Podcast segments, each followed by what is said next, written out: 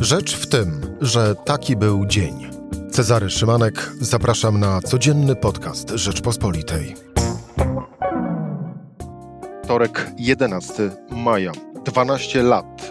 Tyle Zbigniew Jagiełło był prezesem banku PKO BP i był jedynym prezesem spółki Skarbu Państwa, który y, był owym prezesem zarówno wtedy, kiedy rządziła Platforma Obywatelska, jak i wtedy, kiedy rządzi Prawo i Sprawiedliwość. Jak tłumaczyć i jak e, rozumieć nagłą i niespodziewaną dymisję największego prezes, e, prezesa największego banku w Polsce? O tym w rozmowie z Krzysztofem Kowalczykiem i Michałem Szułdrzyńskim. Rzecz w tym, że zapraszam Cezary Szymanek. Słuchaj na stronie podcasty.rp.pl. Włącz Rzecz w tym w serwisie streamingowym. I moi goście, Krzysztof Kowalczyk. Witam Krzysztof. Dzień dobry. Czyli spojrzenie biznesowo-ekonomiczne i Michał Szulżyński.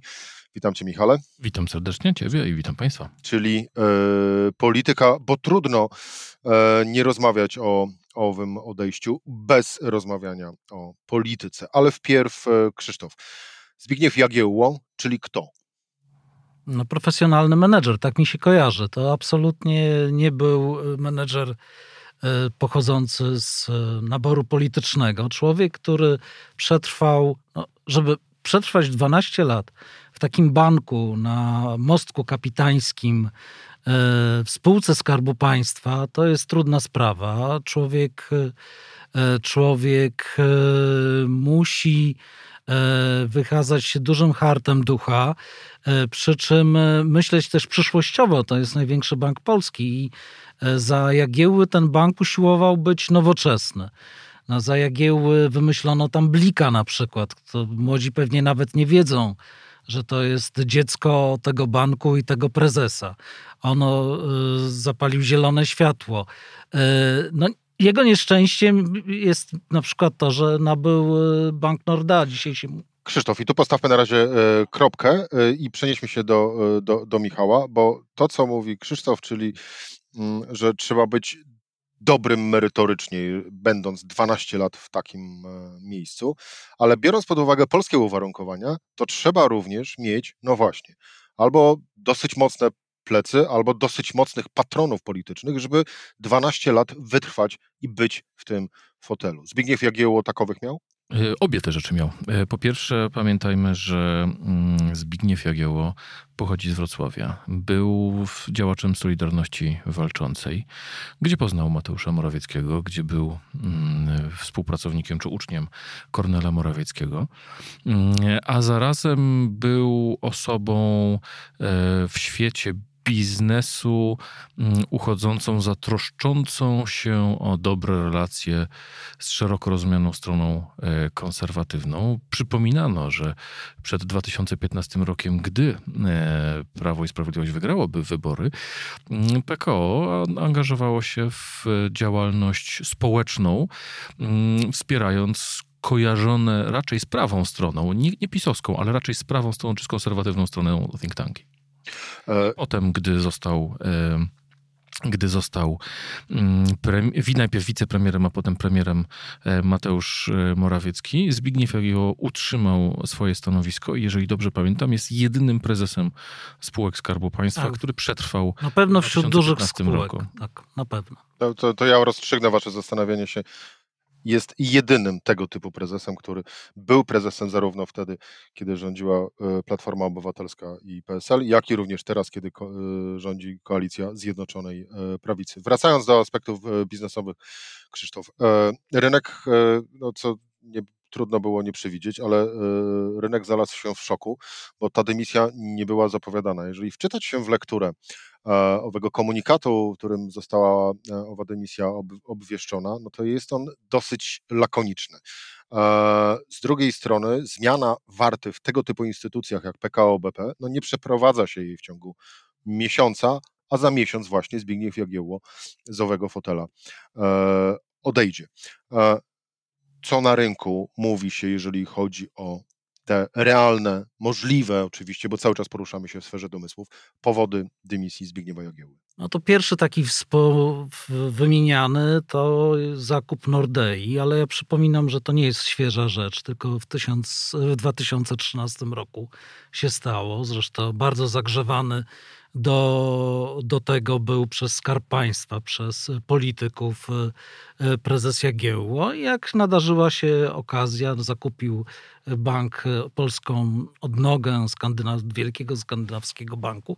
No nieszczęście chciało, że mocno obciążoną kredytami frankowymi, które wówczas nie były żadnym obciążeniem, były takim potencjalnym obciążeniem, które niestety zrealizowało się dwa lata później. No i e, z biegiem czasu te kredyty frankowe, które na początku stały się e, takim kamieniem u szyi frankowiczów, w wyniku tych pozwów bankowych e, e, coraz obficiej z korzyścią dla klientów rozpatrywanych przez pozwów sądowych rozpatrywanych z korzyścią dla klientów banków przez sądy, te, te, te, te kredyty hipoteczne w Nordei stały się e, kamieniem u szyi PKO BP. No i e, PKO BP co prawda wyszło jako pierwszy bank z taką ofertą, ja bym powiedział hurtową, e, dogadania się z, ze swoimi klientami obciążonymi tymi, którzy są obciążeni kredytami frankowymi. No i na to musiał zawiązać ponad 6 miliardów rezerw. Niespełna 6 miliardów 600 milionów złotych. Właśnie. No ale efekt tego jest taki, że mimo, że bank zarabiał, no to pokaz, pokaże stratę ponad 2,5 miliarda, jeśli dobrze pamiętam, za ubiegły rok, podczas gdy rok wcześniej miał rekordowy zysk, ponad 4 miliardy. No to może być tak postrzegane jako, jako jakiś, jakiś powód, ale no na Boga, sytuacja wokół kredytów frankowych była od dawna znana. No, brzmi Poza tym też bądźmy, bądźmy szczerzy, właściwie Dlaczego chyba, akurat teraz? no właśnie, właściwie chyba każdy bank w tej chwili ma na stole jakąś e, albo ogłoszoną, albo jeszcze nie ogłoszoną, ale jakąś ofertę ugód dla e, tak zwanych frankowiczów. Z drugiej strony, jak sam dobrze wspomniałeś, sprawa Nordei, no to nie jest sprawa, która nie była znana, bądź też wybuchła nagle. To, że e, jest PKO BP jest bardzo mocno obciążony kredytami e, denominowanymi w obcych e, walutach w związku z przejęciem Nordei, no to też wszyscy dobrze o tym wiedzieliśmy.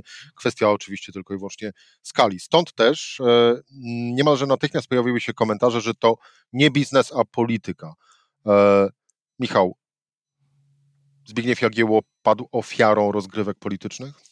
Jedno doprecyzowanie, tak jak e, zdaniem słynnego Klausewica mm, wojna jest polityką prowadzoną innymi metodami, tak samo można powiedzieć, że w polskiej e, sytuacji, gdzie sektor bankowy już w ponad 50% należy do Skarbu Państwa i gdzie spółki Skarbu Państwa są e, istotną częścią gospodarki, różnica pomiędzy gospodarką a polityką jest bardzo umowna. To znaczy można powiedzieć, że że gospodarka to polityka prowadzona innymi narzędziami, albo, albo że polityka to gospodarka prowadzona innymi narzędziami.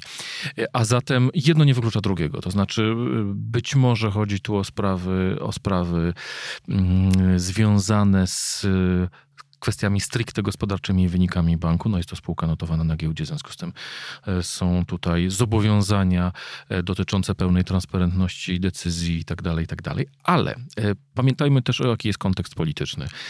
Mateusz Morawiecki, mówiliśmy, premier rządu Prawa i Sprawiedliwości, koalicyjnego rządu Prawa i Sprawiedliwości, ma dwóch niezwykle bliskich współpracowników. Pierwszym jest Zbigniew Jagiełło, Drugim jest Paweł Borys, szef Narodowego Państwowego Funduszu Rozwoju. E, to obaj ci ludzie są uważani za tych, którzy wdrażają w życie politykę, politykę gospodarczą e, państwa. Zbigniew Jagiełło jest uważany za osobę, która niezwykle blisko doradza Mateuszowi Morawieckiemu. E, Z kolei Państwowy Fundusz Rozwoju jest, PFR jest narzędziem, którym się posługuje państwo, na przykład, w, żeby nie dopuszczać do sprzedaży polskich firm w zagraniczne ręce. Tak no, ale było... też było bardzo ważnym narzędziem, przypomnijmy. W Przy czasie... kryzysie, dokładnie. Tak, PFR dość szybko wszedł w buty ratownika polskich przedsiębiorstw. Oczywiście nie wszyscy są zadowoleni, bo gospodarka jest bardzo różnorodna i nie, nie wszystkie potrzeby można zaspokoić, ale trzeba powiedzieć, że dość łagodnie wyszliśmy z poprzedniego lockdownu. I y, to z tego pierwszego, sprzed roku, a on był przecież szokiem dla całej gospodarki. Ale wróćmy do tych, później. No wróćmy do tych Dzięki. PFR-owi. I tutaj mamy PFR. A To ja jeszcze, Michał, dodam jeszcze jedno, y, jedną ciekawostkę w tej całej układance. Paweł Borys y, był kiedyś pracownikiem Zbigniewa Jagieły w banku PKO BP. E, To jest e, pierwsza rzecz. Druga rzecz.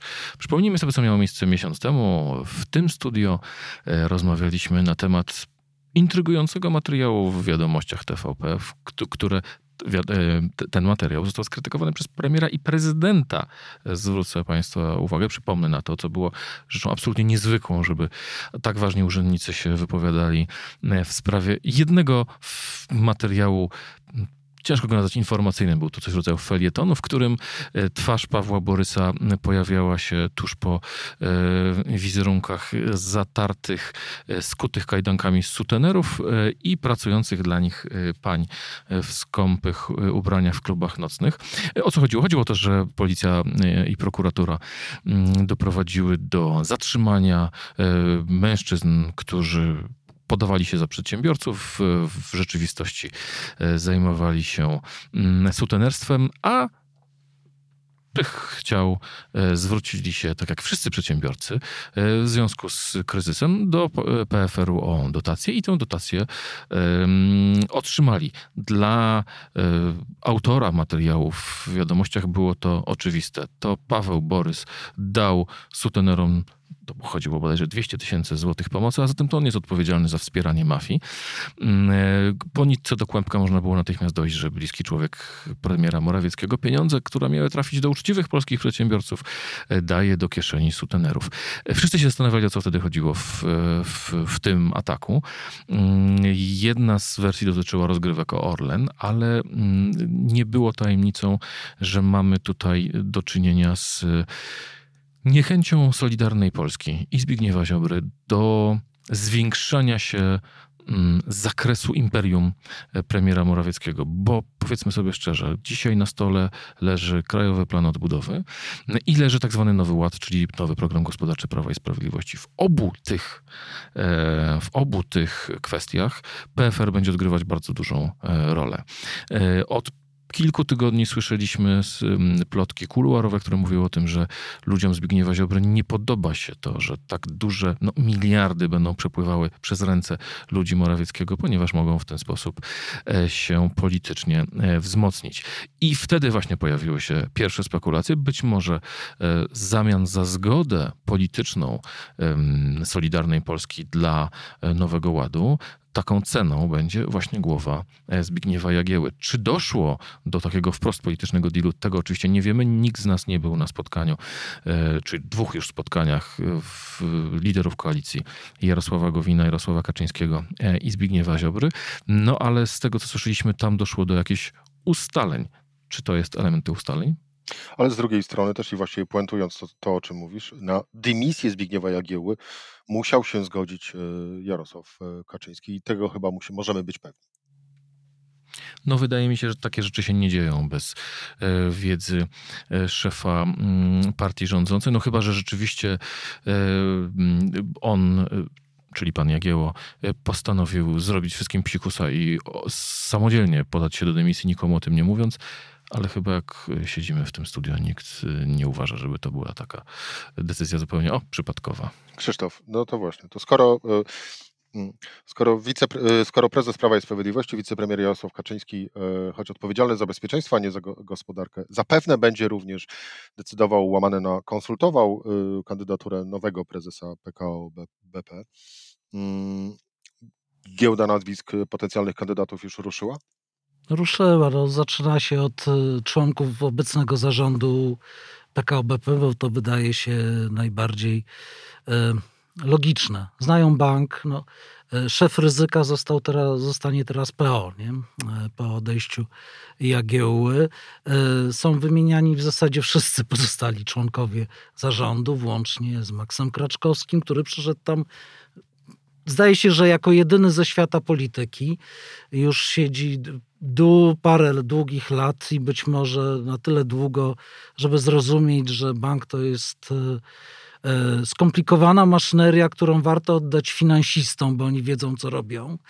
E, I być może po, po, będzie, no to tylko moje spekulacje, może zostanie nie wiem, nowym prezesem, tak jak patrzył tam na ręce innym członkom zarządu w imieniu PiSu.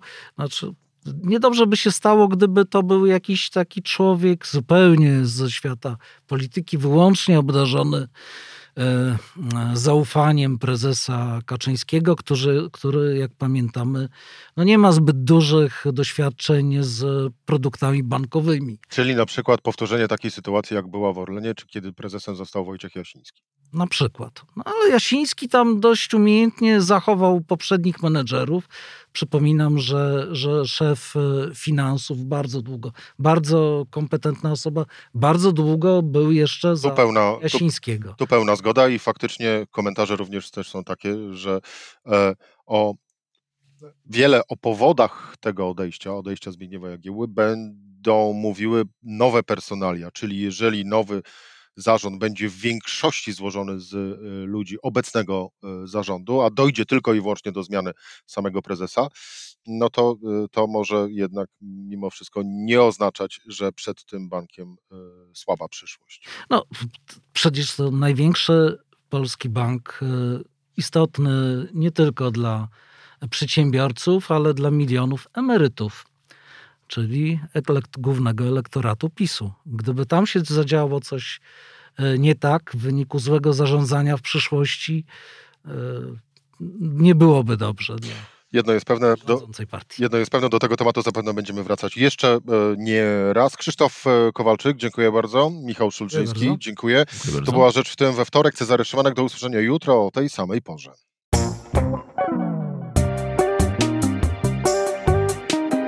Rzecz w tym to codzienny program Rzeczpospolitej. Od poniedziałku do czwartku o godzinie 17. Słuchaj na stronie podcasty.rp.pl. Włącz Rzecz w tym w serwisie streamingowym.